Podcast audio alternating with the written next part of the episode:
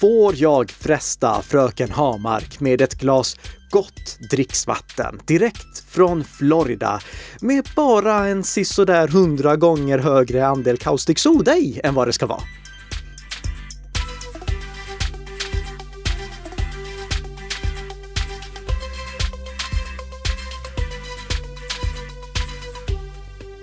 Ja, god morgon, god morgon kära lyssnare och god morgon Tess! Nej men god morgon! Jag fick eh, fulkolla lite här på Kemikalieinspektionens webbplats för att i den artikeln som vi kommer diskutera lite senare i den här podden så står det natriumhydroxid. Men som jag har förstått det så är det samma sak som kaustiksoda. Ah, ja. Någonting okay. som jag alltså inte vill dricka.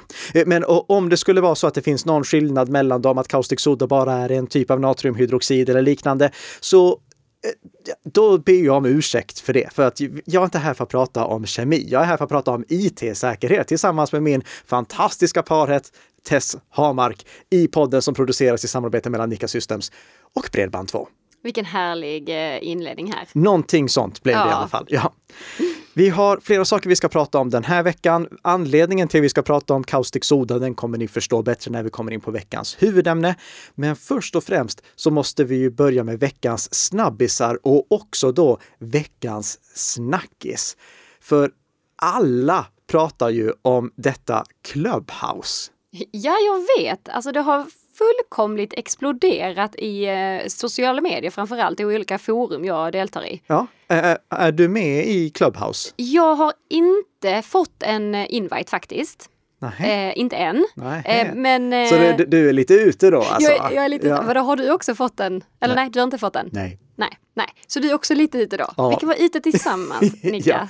ja. Och, och, faktum är, jag är faktiskt glad att varken du eller jag har fått en inbjudan till Clubhouse med anledning av sättet som de hanterar kontaktuppgifter. Men eh, innan vi går in på det, kan du bara berätta för våra lyssnare vad Clubhouse är ifall de skulle ha missat det? Mm. Även om inte jag själv då har eh, varit inne där, eh, så om jag har förstått det rätt så handlar det om att man skickar ut olika inbjudningar till folk som då kan ladda ner appen och eh, delta i så olika samtalsrum. Så man kan prata om allt mellan himmel och jord med olika personer runt om i hela världen egentligen. Mm. Och det verkar som att det här är någon typ av röstkommunikation istället för textkommunikation ja, alla Twitter. Precis, exakt. Och det verkar som att alla innejournalister och alla influencers är med där. Ja, 100 mm. procent. Mm. Ja. Det verkar som att andelen medlemmar sjunker i takt med avståndet från Stureplan. Kan man säga så? för att det är Clubhouse. mm. Nej, men eh, det, det, det, har ju blivit jättepopulärt och jag kan inte säga någonting om det i sig i och med att jag inte har varit inne där ens. Jag, jag är inte ens inbjuden som sagt. Mm. Men jag tycker att det är lite anmärkningsvärt när det kommer till sättet som de hanterar användarnas eh, kontaktuppgifter och kanske ännu mer sättet som användarna vänligen och utan att tänka på det bidrar med de kontaktuppgifter som de har i sina kontaktlistor. För för att kunna bjuda in nya medlemmar till Clubhouse, vilket det verkar vara en poäng kring, att man ska vara den som har liksom invitat många. Det ska, mm. ja, man ska vara den som alla går via liksom. jag ber om ursäkt för att jag fick lite Stockholmsdialekt här. Det var absolut inte meningen. Jag är född i Uppsala, så jag är ursäktad. Okej. Okay. Men i och med att Clubhouse vill ha tillgång till kontaktlistan, då måste man ju fundera på vad det är som ligger i ens kontaktlista. Mm. För hur kan du vara säker på att de personerna som finns i din kontaktlista vill att du skickar deras information till Clubhouse? Nej precis, det har man ju inget eh, så här, skickat ut ett medgivande för. Liksom. Nej. och jag såg i eh, Teknikveckans genomgång av Clubhouse att eh, Clubhouse också kopplar ihop liksom eh, vilka kontakter som eh, man har. Så eh, en användare kan se att en person som de har för avsikt att bjuda in har si eller så här många gemensamma kontakter med en. Mm. Det här är någonting som jag tycker att är ganska anmärkningsvärt. Inte minst med tanke på att journalister då som har varit starkt bidragande till att det har blivit den här formidabla explosionen i mm. popularitet i kombination med exklusiviteten såklart, att man ja, tillhör absolut. den här exklusiva skalan. Men tänk om de har känsliga kontaktuppgifter i sina kontaktlistor. Mm. Så det jag skulle vilja börja med den här veckan med anledning av veckans snackis att tipsa om, det är att om en app som Clubhouse begär åtkomst till din kontaktlista, låt bli att ge det. För mm. du vet inte ifall kontakterna som finns i din kontaktlista vill att deras information ska skickas till Clubhouse eller till någon annan organisation. Mm. Jag eh, såg en, eh, ett litet inslag på Vimeo som Per Axbom gjorde, där han tipsade om hur Clubhouse-användare skulle kunna använda Clubhouse utan att eh, läcka sina kontaktuppgifter eller sina kontakters kontaktuppgifter. Mm. Och det han föreslog där, det, det var att eh, först stänga av liksom all synkronisering som man har med kontaktlistan och sen plocka bort alla kontakter i kontaktlistan och så lägga dit bara just de kontakterna som man vill bjuda in. Oj. Skicka inbjudan och därefter eh, ta bort de kontakterna, välja att inte längre berättiga åtkomst till kontaktlistan för Clubhouse och så börja synkronisera kontakter igen. Men oj vad mäckigt! Ja. Så jag hoppas att Clubhouse hittar en lämpligare lösning mm. på det. Mm. För jag, jag, är inte bekväm med att dela mina kontakter med en app som Clubhouse. Nej. Och då tycker någon kanske här, ja, men du hade ju inga problem att dela alla dina telefonnummer med Signal. Och jag har inte ens behövt ställas inför det för att visst, Signal använder telefonnummer för att eh, identifiera användare. Mm. Men när jag börjar använda Signal, då är det inte så att jag skickar alla mina telefonnummer till Signals centrala servrar, utan all den koppling sker lokalt på min enhet. Mm. Om jag vill liksom upptäcka ifall jag har kontakter som finns på Signal, då skickas ett eh, hashat, ett envägskrypterat eh, eh, värde som representerar det telefonnumret till signalservrar. Och om det finns ett konto registrerat där, då får jag tillbaka den informationen som finns registrerad för det hashvärdet, för det envägskrypterade värdet. Mm. Men kopplingen görs lokalt på min telefon. Så jag läcker inte några telefonnummer bara för att jag använder Signal. Nej. Mm. Så Clubhouse skulle kunna göra en liknande lösning då? Jag vet inte om de kan det i och med att det är så mycket inom sociala medier som handlar om vilka eh, kontakter ah, som man har. Det. Det, det, det, är igen det här att jag gör skillnad på sociala mm. medier och eh, eh meddelandeappar. Mm. Men eh, jag, jag, vill bara flagga upp för det. Var försiktig med vilka appar som du ger åtkomst till din kontaktlista och passa på att kolla vilka appar som har tillgång till den. Det kan mm. du se i både iOS och Android. Där kan du gå in och kolla på vilka appar det är som har rättigheten att komma åt kontaktlistan. Mm.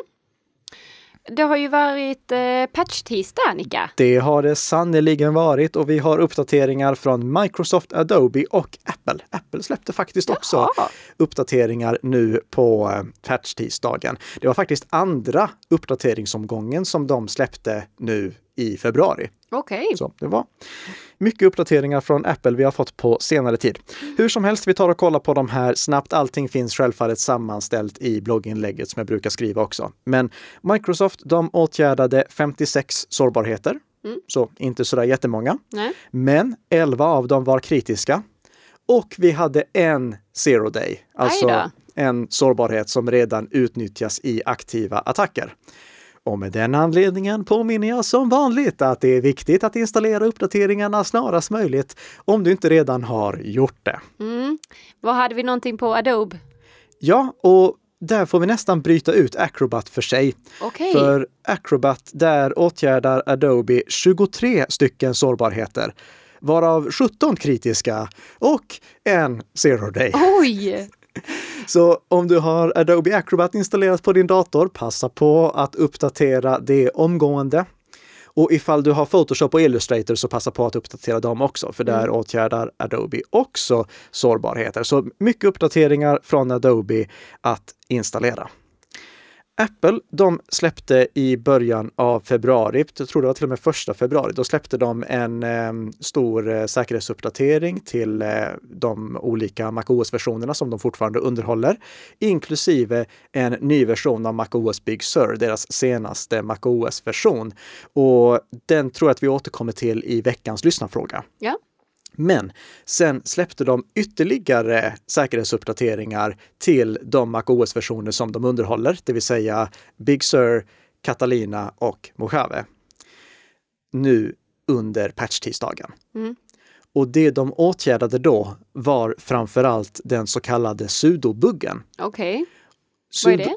Ja, den tänkte jag att vi skulle prata om i veckans huvudämne någon gång. Eh, men, eh, eller förlåt, som, som, som en veckans snabbis. Men Mm. det, det kom aldrig in. Men nu kan vi i alla fall nämna den lite hastigt.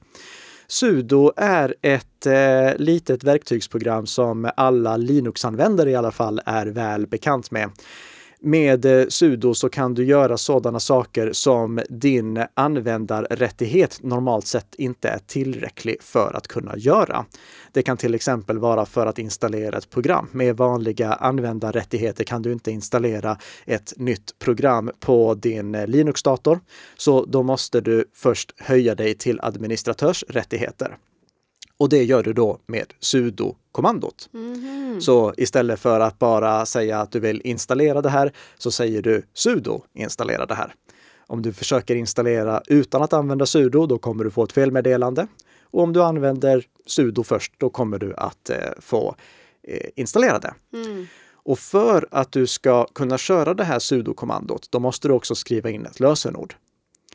Det är det som är liksom grundtanken med det. Vissa användare, de ska få höja sig till administratörsrättigheter, men de måste då ange ett lösenord först och främst. För några veckor sedan, då upptäcktes det en bugg i det här sudoprogrammet som Okej. gjorde att eh, angripare kunde höja sig till administratörsrättigheter utan att behöva ange något lösenord. Aj då. Ja. Det var eh, de populära Linux-distributionerna snabba med att åtgärda. Men Apple tog lite längre tid på sig. Sudo används nämligen också i MacOS, även om det är sällan som det, det, så jag använder det dagligen på min Linux-dator, men jag använder det sällan på min Mac. Mm. Men hur som helst, det, det var någonting som Apple också behövde åtgärda, men de åtgärdade det först nu under veckans patch tisdag uppdatering. Så nu är det löst också. Nu går det inte för skadeprogram att utnyttja sudobuggen för att få administratörsrättigheter. Mm. Och varför tar vi då och pratar om det överhuvudtaget? Jo, för att Apple har ju slutat underhålla High Sierra och tidigare. Mm, just det. Och jag kollade när den här sudobuggen uppstod och den uppstod 2011. Så det är många mackar nu som eh, inte har fått den här buggen åtgärdad Mm. Och som därför gör det lätt för ett skadeprogram som väl har kommit in på datorn att infektera datorn på en djupare nivå. Så jag påminner alla om att eh, om ni inte längre kan uppdatera er Mac till en modern version av MacOS, det vill säga MacOS 10.14, även känd som Mojave, eller senare, då måste ni byta operativsystem till Windows eller Linux, eller byta dator. Mm. Det är väl det som Apple vill få en till att göra. Oh, märkte du? Det blev en liten, en liten minikänga där till Apple. Ja, Faktiskt. en, en, ja, li, oh, du, Oplanerad. ja, jag, jag kan faktiskt ge en sån där liten minikänga till Google också. Ja, men vi passar på, Ja, eller? för minns du förra patchtisdagen när vi diskuterade uppdateringarna som hade kommit då? Mm. Då pratade vi om att eh, Google inte hade släppt uppdateringar till sina iOS-appar på en månad. Ja, och då sa vi typ att de hade julledigt. Ja, eller vi vi sa att det, sk- det kunde vara en förklaring. vara. Men det som jag trodde var förklaringen var ju för att Apple hade infört det här kravet på Mm. att eh, ha innehållsdeklarationerna för vilka för hur datan hanterades Mm. för att kunna uppdatera apparna. Vad har de uppdaterat nu då? Nej, så nu har det gått två månader utan att Oh, Google har gjort det. Från att ha liksom släppt lite uppdateringar varje vecka så eh, har inte iOS-apparna nu uppdaterats på två månader. Märkligt. Mm. Ja. Eh, är det någonting som ni undanhåller för oss Google? Kan vi fråga. Eller så är det så enkelt att det tar tid för dem att eh, liksom reda ut allting. Mm, Även mm. om de var informerade om att det här skulle ske god tid i förväg. Så det var en liten minikänga dit också. Okej, låt oss hoppa in på veckans huvudämne. Ja. Och det är ett ämne som vi har berört lite tidigare, men som jag tänkte att vi ska beröra ytterligare nu ur ett lite annat perspektiv, men ändå avsluta med att ge samma rekommendationer. Åh, spännande. Ja, så om ni har följt rekommendationerna vi har gett tidigare så kommer det här inte vara några som helst problem för er. Okej, Vi har tidigare pratat om att eh, man inte ska göra vad som helst tillgängligt över internet. För allting som är exponerat mot internet är också extra utsatt. Mm. Och för några månader sedan, då fick jag en idé. Minns du Youtube-serien som hette Why would you put that on the internet? Ja, men du har visat det någon gång. Ja, det är en eh, lagom underhållande, får jag väl säga, eh, en lagom underhållande Youtube-serie där eh, Rob Dyke går igenom olika saker som han har tipsats om. Och det handlar om allt från tweets till bilder där den gemensamma nämnaren är att man kan fråga sig varför i hela friden den som publicerade det här valde att lägga ut det på internet. Det är, det är väldigt roligt. Och det, det är liksom pinsamheter av alla dess slag. Ja. Eh, Så ja, kontentan av varje avsnitt är Why would you put that on the internet? Och jag funderar nu på att kanske kapa hans idé rakt av, starta en ny Youtube-kanal som också heter Why would you put that on the internet? Okej, ja. Men där jag istället för att prata om folk som gör pinsamma saker på nätet frågar varför i hela friden exponerade du den här prylen mot internet? För många saker ska inte vara åtkomliga över internet. Det, internet of things är fantastiskt, att man ska kunna nå alla möjliga prylar över internet. Men ur ett säkerhetsperspektiv så är det problematiskt. Både när det kommer till underhåll och när det kommer till konfiguration. För att om underhållet saknas, då kan produkterna utnyttjas. Och om konfigurationen är fel, då kan det få stora konsekvenser.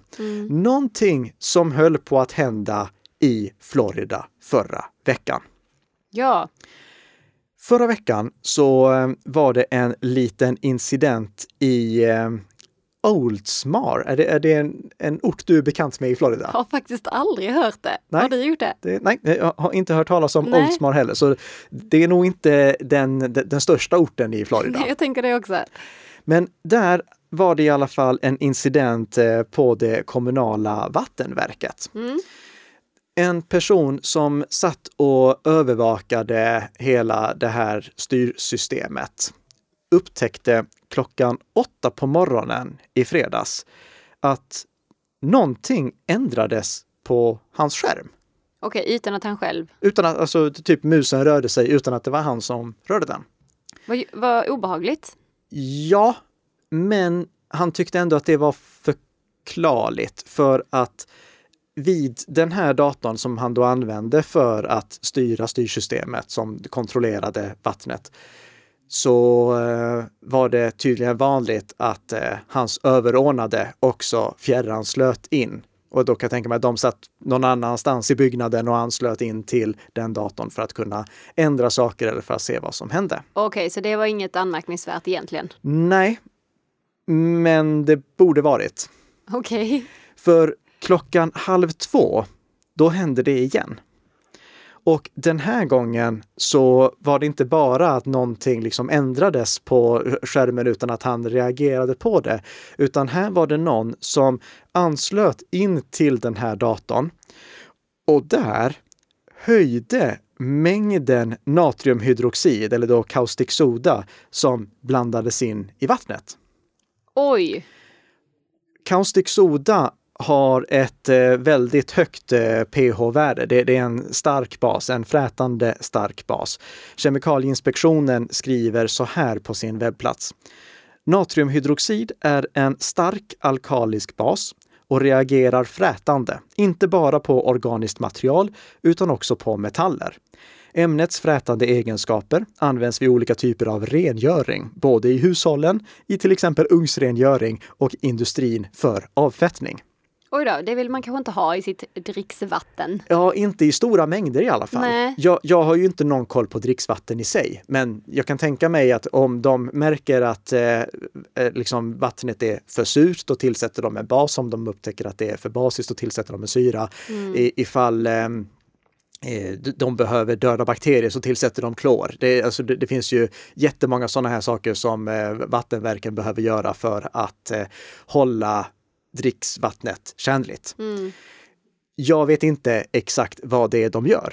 Men jag är väldigt säker på att de inte sådär bara rent spontant höjer mängden natriumhydroxid från 100 miljondelar till 11 000 miljondelar. Oj då. Nej. Men vadå, kunde, kunde han som satt vid datorn då ta kommando över då? Alltså han kunde fortfarande liksom röra? Ja, Ja. så när, när han såg att någon ändrade till 100 gånger mer eh, natriumhydroxid än vad det skulle Mm. vara, då gick han och justerade ner det igen till nivån där det skulle ligga. Ja. Och i presskonferensen så eh, förklarar de att eh, the public was never in danger på grund av det här. Mm. Att de hade flera olika kontroller till som hade kunnat upptäcka det här. Till exempel så hade de kanske kunnat märka att vattnet plötsligt blev allt för basiskt och att de därför eh, skulle tillsätta syre eller vad vet jag. Mm, Men de, de mm. har i alla fall mer kontroller.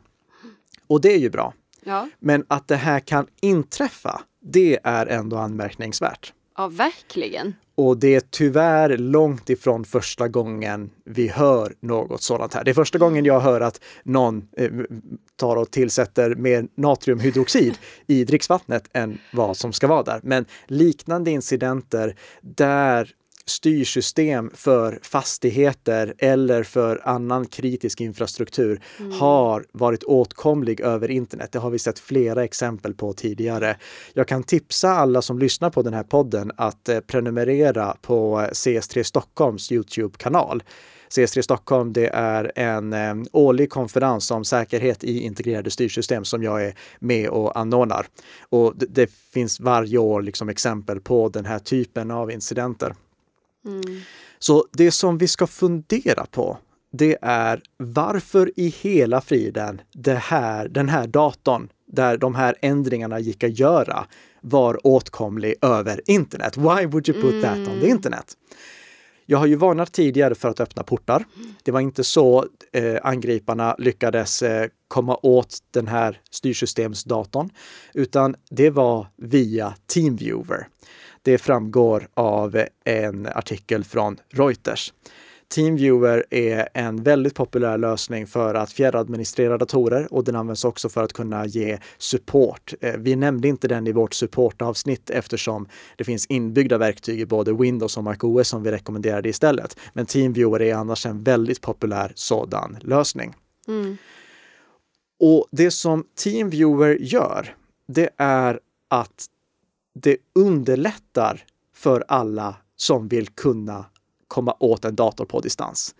För du, du kan tänka dig själv om, om eh, jag skulle hjälpa någon med datorn och behövde börja med att förklara för honom eller henne att okej, logga in i din router och så öppnar du den här porten. Mm. Då har redan supporten nått sitt stopp. Det, Ja. så det Teamviewer gör, det är att Teamviewer-klienten på datorn ansluter ut från datorn till en gemensam molntjänst. För i eh, de genomgångar vi har haft om hur en vanlig NAT-brandvägg fungerar, alltså grundfunktionaliteten i routern, då har vi förklarat att den blockerar anslutningar som kommer från internet om man inte öppnar portar. Men den tillåter anslutningar som initieras på insidan. Så det Teamviewer gör, det är alltså att den ansluter ut så att det går att kommunicera genom routerns brandvägg med Teamviewer. Det är någonting som organisationer bör överväga att sätta stopp för. Det finns datorer och det finns uppkopplade prylar som inte ens ska kunna ansluta ut för den här typen av säkerhetsskäl eller på grund av den här typen av risker. Mm. Det ska stoppas helt. Så det jag skulle vilja uppmana alla, det är att fundera över vilka saker är det som ska blockeras helt och hållet från att komma åt någonting på internet. Och just en sån här dator som styr någonting som har med dricksvatten att göra känns som ett ypperligt exempel på någonting som inte borde vara åtkomligt över internet. Mm. Det som man gör då, det är att eh, som administratör logga in i brandväggen och blockera de datorerna som inte ska kunna komma åt internet. Det här går att göra hemma också med föräldrakontrollsfunktionen som finns i många konsumentroutrar. Hemmakontro- eller förlåt, föräldrakontrollsfunktionen, den är inte speciellt lämplig att använda för föräldrakontroll av anledningar som vi kan återkomma till i ett eget avsnitt. Men den är väldigt bra för att blockera saker som inte av misstag ska kunna ansluta ut till internet. Mm. För i den så kan du liksom välja vilka datorer eller vilka anslutna prylar som ska få ansluta till internet vid vilka tillfällen. Och om du väljer att de tillfällena är aldrig, ja, då kan de sakerna inte koppla upp sig mot servrar på nätet. Nej. Så till exempel mina nätverkskameror som jag har hemma, DCS 2330L tror jag de heter, eller 2310L heter de kanske. Mm. De har inte fått säkerhetsuppdateringar på fem år. Nej. Men de är i ett eget segmenterat nätverk och de har ingen åtkomst till internet. Så jag kan använda dem i alla fall. Um, Mm. Ingenting som jag hade rekommenderat att göra om man inte är väldigt säker på hur det ska konfigureras. Men ett litet tips, om du har någonting som är gammalt, ta, ta till exempel en, en gammal smart-tv där du inte använder smartfunktionerna längre. Mm. Istället för att vara rädd för att den ansluter ut på internet och hittar på dumheter, blockera åtkomsten till internet logga in i routern och se till att inte saker som inte behöver ha internetåtkomst har internetåtkomst, utan du bara kan nå dem i det lokala nätverket. Mm. Och när du ändå är inne i routern, passa på att stänga av UPnP också så slipper du ytterligare säkerhetsproblem. Mm. Härligt! Mm. Ja. Va, va, var det, det var liksom allt här? Ja, det, ja. det var de rekommendationerna. Det var de. Ja. Härligt. Hinner vi med en veckans lyssnarfråga idag? Ja, nu har jag ju lovat att vi ska göra det. Så. Vad ja. kul! Mm. Äntligen! Det var länge sedan vi körde det. Ja. Så att vi har fått en lyssnarfråga från Mikael. Och den här kom eh, i samband med avsnittet som vi gjorde om problemet, eh, den här kontroversiella funktionen i MacOS Big Sur som gjorde att Apples egna applikationer kunde kringgå tredjepartsbrandväggar. Mm. Vi eh, hade, jag tror det hette integritetsproblemen i MacOS Big Sur eller någonting sånt. Jag lägger med en länk i våra show notes där. Och vi ska se här, eh, Mikael han kommenterade det i kommentarsfältet på det poddavsnittet. Ah. Det innebär att han redan har ett konto på Nika Systems Academy och det innebär att han alldeles strax kommer att få en eh, liten present som tack för att han bidrog med veckans lyssnarfråga. Jag återkommer om det i ett kommande avsnitt. Härligt! Mm. I alla fall, Mikael skriver så här. Hej! Tack för ett bra program. Ny till en fundering angående att Apple kan skicka information vid sidan om VPN-tunneln. Jag har satt upp mitt nätverk med Private Internet Access. Vill man surfa säkert så har VPN-tunneln tilldelats ett särskilt SSID. I detta fall bör väl inte möjligheten finnas att kringgå detta? Och det stämmer alldeles ypperligt det som var problemet i MacOS Big Sur, det var att om man hade en eh, brandvägg eller en eh, VPN-tunnel som startade på själva datorn, då kunde fortfarande Apples egna applikationer kringgå den. Men det gäller alltså bara när någonting körs på den specifika datorn. Om du sätter de begränsningarna på nätverksnivå, på nätverket som datorn är ansluten till, då kan inget program kringgå det. För då ska allting gå via den här PFSense-brandväggen i det här fallet. Mm. Så helt rätt, om du kör med en sådan lösning, då kan inte Apples egna applikationer kringgå VPN-tunneln. Det behöver du inte vara orolig för. Mm. Sen har jag en god nyhet också. Okay. Och det är ju det här jag sa om att Apple släppte en stor uppdatering till MacOS Big Sur. Mm. Nu är MacOS 11.2 eh, ute. Och i den så har Apple tagit sitt förnuft till fånga och insett att det här med att våra egna appar ska ha någon typ av gräddfil, det var en dum idé. Okej. Okay. Mm. Ja. Och ändrat tillbaka till så som det ska vara. Oh ja. Så nu kan man utan att behöva vara orolig för de här sakerna också initiera en VPN-tunnel från den eh, lokala datorn. Och ifall eh, man kör någon typ av eh, egen brandvägg på datorn, jag kör till exempel ett som heter Little Snitch, då kommer inte heller Apples egna applikationer att kunna kringgå den. Mm.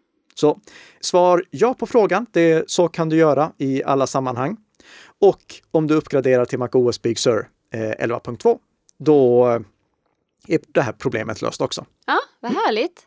Och om du som lyssnar på den här podden också vill lämna en lyssnarfråga så kan du ju bara göra det genom att kommentera i, på något av våra avsnitt i sociala medier mm. eller på eh, Nika Systems eh, webbplats. Precis. Så kommer du också få en liten present som vi kommer få veta mer om i nästa avsnitt. Då. Jag tror det blir i nästa avsnitt, ja. Ja, mm. spännande. Och då återstår nog bara för oss att eh, lyfta på hatten och önska en trevlig helg, va? Jag tror faktiskt det. Mm. Ja. Då gör vi så. Tack så mycket för att ni har lyssnat det här avsnittet. Vi hörs nästa vecka igen och ha en riktigt trevlig helg. Trevlig helg!